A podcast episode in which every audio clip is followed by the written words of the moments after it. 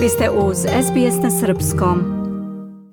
Slušate SBS radio na Srpskom. Ja sam Biljana Ristić. Nekoliko nedavnih akata ekstremizma označenih kao teroristički napadi značajno su oblikovali način na koji se vlade i bezbednostne agencije bave nacionalnim, ali i međunarodnom bezbednošću.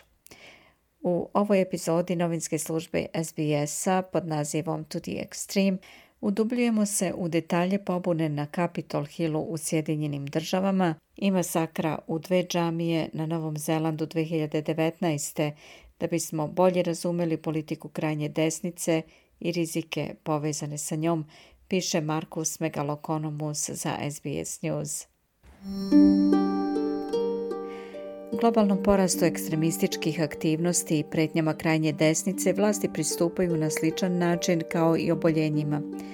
Procenjuju poreklo, geografske i društvene formacije pojave ekstremizma, brate gde su aktivnosti koncentrisane, kako se prenose i ko je podložan infekciji. Govoreći o viktorijanskoj istrazi o ekstremizmu, profesor James Martell sa Državnog univerziteta u San Francisku primenio je istu metodologiju na mapiranje i razumevanje krajnje desnice kako bi pronašao način da joj se suprostavi. In the US I can attest to the development of this disease which has grown in leaps and bounds. Mogu da potvrdim da je ova bolest u Sjedinjenim državama narasla preko svih granica i da se širi. Kad se određeni subjekti zaraze ovom bolešću, na njih ne utiču činjenice nauka ili neodobravanje drugih. Uhvaćeni su u mrežu nepromišljenosti. Još uvek nismo u punom procvatu bolesti, ali se suočavamo sa najgorom krizom naše demokratije od građanskog rata. Iskreno se nadam da će vaša istraga pomoći da se Viktorija i Australija generalno naoružaju protiv ove strašne bolesti, kaže on.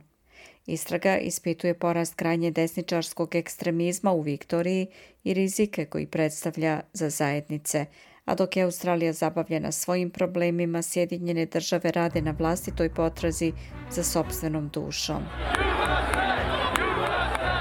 2021. ostaće upamćena po događaju bez presedana u istoriji Sjedinjenih država koji se smatra jednom od najvećih ikad mobilizacija desničarskih grupa u nekoj demokratskoj zemlji. Napad na Capitol Hill 6. januara od strane pristalica bivšeg predsjednika Donalda Trumpa bio pokušaj da se spreči overavanje izbornih rezultata 2020. piše Markus Megalokonomus za SBS News. On dodaje da se nasilna gomila progurala u Capitol tražeći tadašnjeg podpredsjednika Majka Pensa, predsjednicu predstavničkog doma Nancy Pelosi i druge političare. U neredima je poginulo pet osoba, a na stotine ljudi je kasnije optuženo za zločine na federalnom nivou. Joshua Fisher Birch je istraživač u okviru antiekstremističkog projekta u Njorku. On kaže da je neuspeh Donalda Trumpa da prizna svoj izborni poraz predstavljao opasan presedan. Također kaže da predsjednik Trump Titula na koju ima pravo po završenom mandatu kako nalaže američki protokol ostaje opasna pretnja po demokratiju u zemlji. Mit o ukradenim izborima ima potencijal da se iskoristi u budućnosti za sejanje razdora i nepoverenja, promovisanje nasilja i delegitimizaciju budućih izbora. Negiranje rezultata izbora kada se završe nepovoljno po vas može biti protivno demokratskim principima i može osnažiti desničarske ekstremističke grupe i buduće autoritarce. Krajnje desničarske grupe Proud Boys i The Base nedavno su na Novom Zelandu navedene kao terorističke.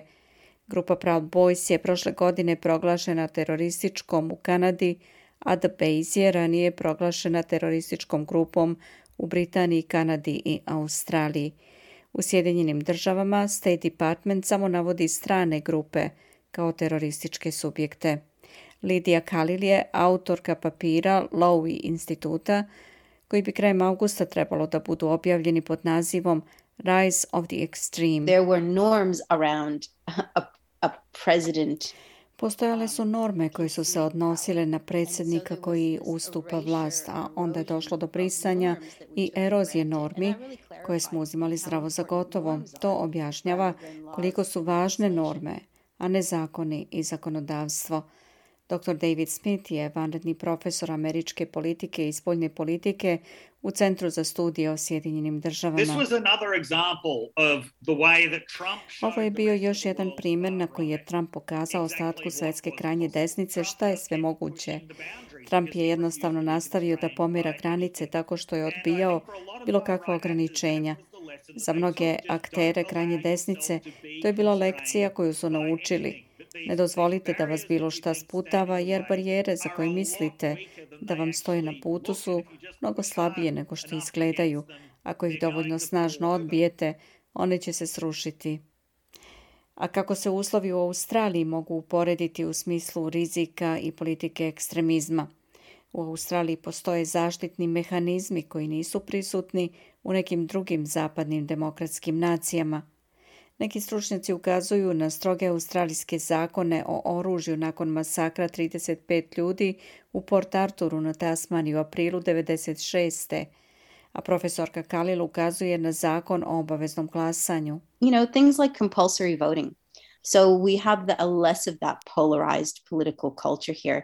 And, you know, it Ovdje imamo manje te polarizovane političke kulture i ona se svodi na jednostavne izborne zakone, ali također mislim da to ne bi trebalo da bude razlog da se uljuljkamo u samozadovoljstvu, već da to vidimo kao mogućnost za očuvanje onoga što imamo. Svakako da nismo imuni na ovu ekstremističku dinamiku. Ona je u rastu, ali rekla bih da imamo mnogo zaštitnih faktora u australijskom društvu. Ona također ističe napor Australije da održi poverenje u demokratske institucije među građanima i poredi to sa raspadom demokratije u drugim zemljama. To truly combat it really requires Za istinsku borbu protiv ekstremizma potrebno je ništa manje od obnove i regeneracije i stalnog očuvanja naše demokratije. Videli smo narušavanje demokratskih sistema u inostranstvu, u Rusiji, Mjamjaru i drugde. Ovaj fenomen uklapa se u širu eroziju demokratije. Moramo da se pozabavimo tim aspektom, a ne samo da se fokusiramo na operacije protiv terorizma, ako zaista želimo da uđemo u srž problema. Dr. Smith kaže da je Australija imala relativno mirnu istoriju bez nasilnog ekstremizma, ali iako je pretnja od toga u australijskoj zajednici mala, ona i dalje postoji. If you try to follow Ako pokušate da pratite razvoj desničarskih ekstremističkih grupa u Australiji, brzo vam izmakne računici koliko ih se neprekidno pojavljuje i nestaje. Iako je njihovo prisustvo u Australiji uznemiravajuće na mnogo načina, to ne predstavlja istu vrstu pretnje koju vidite u Sjedinjenim državama. Ne bi trebalo da pretpostavimo da Australijanci nisu podložni nasilnom ekstremizmu. I Australijanci to rade u nekim okolnostima. Australijanac Brenton Tarrant je izvršio masakr u gradu Christchurch na Novom Zelandu. I saw one gun in the, the floor and police was stopping here. There was a lot of people 15. marta 2019. 51 osoba je poginula, 49 povređeno u pucnevi na dve džamije u gradu Christchurch na Novom Zelandu za vrijeme molitve. Čovek koji je odgovoran je osuđen na doživotnu kaznu za zločine. To je prva osuda za terorizam zabeležena na Novom Zelandu. Odgovor vlade bio je brz. Premijerka Jacinda Ardern inicirala je globalni politički summit pod nazivom The Christchurch Call to Action Summit koji se održao 15. maja 2019. u Parizu u Francuskoj, samo dva meseca nakon tog događaja.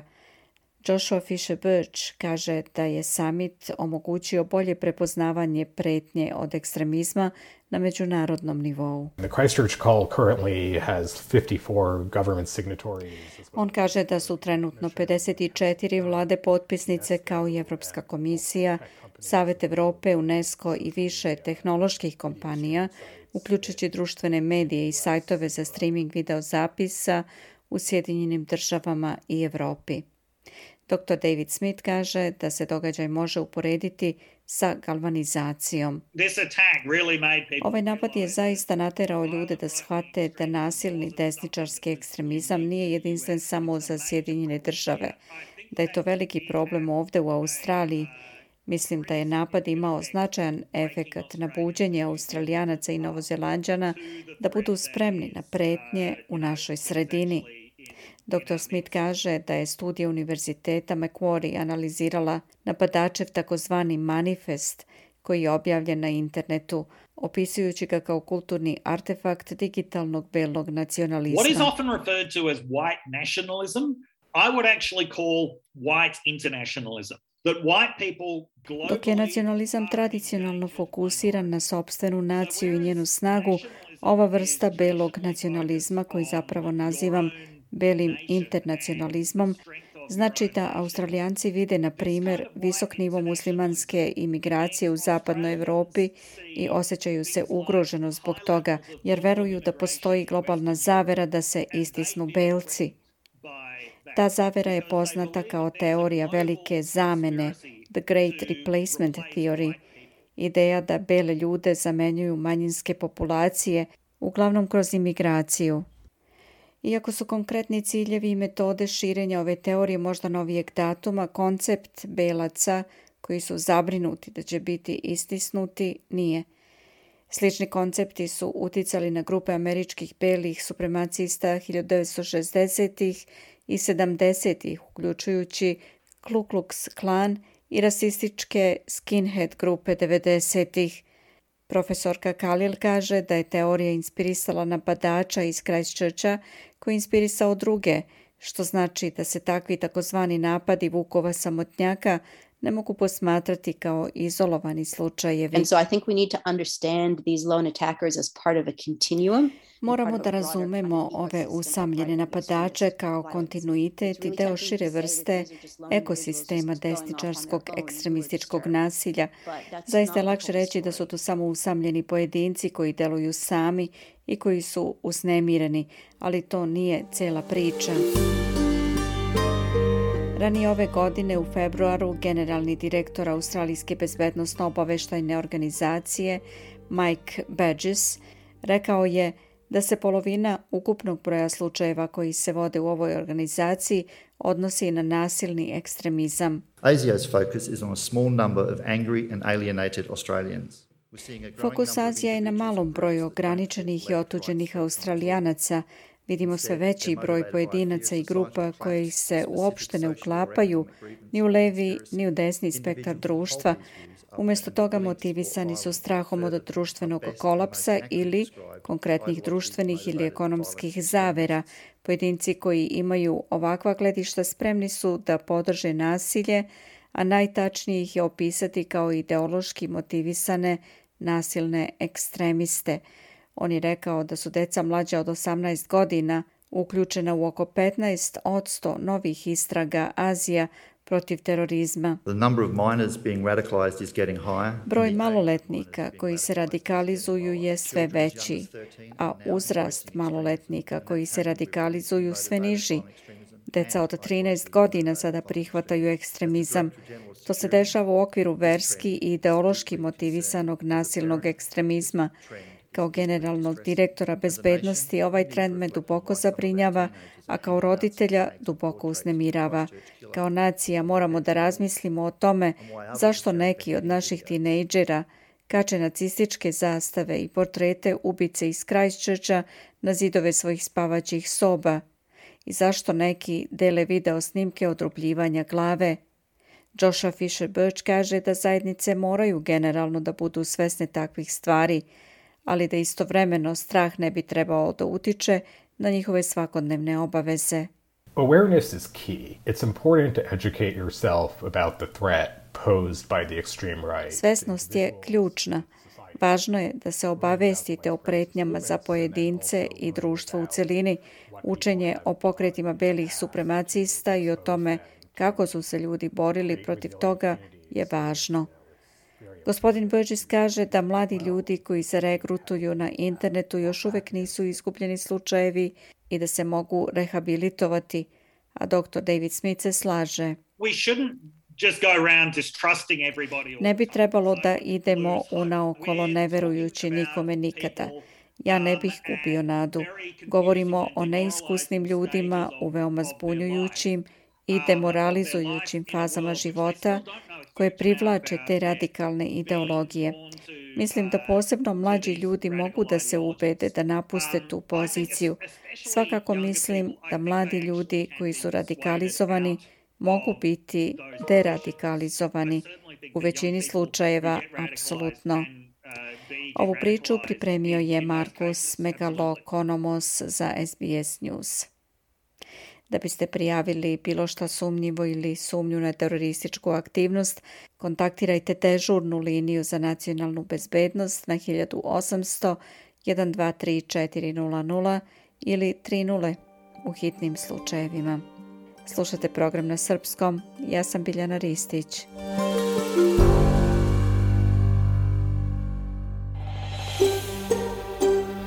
Želite da čujete još priča poput ove?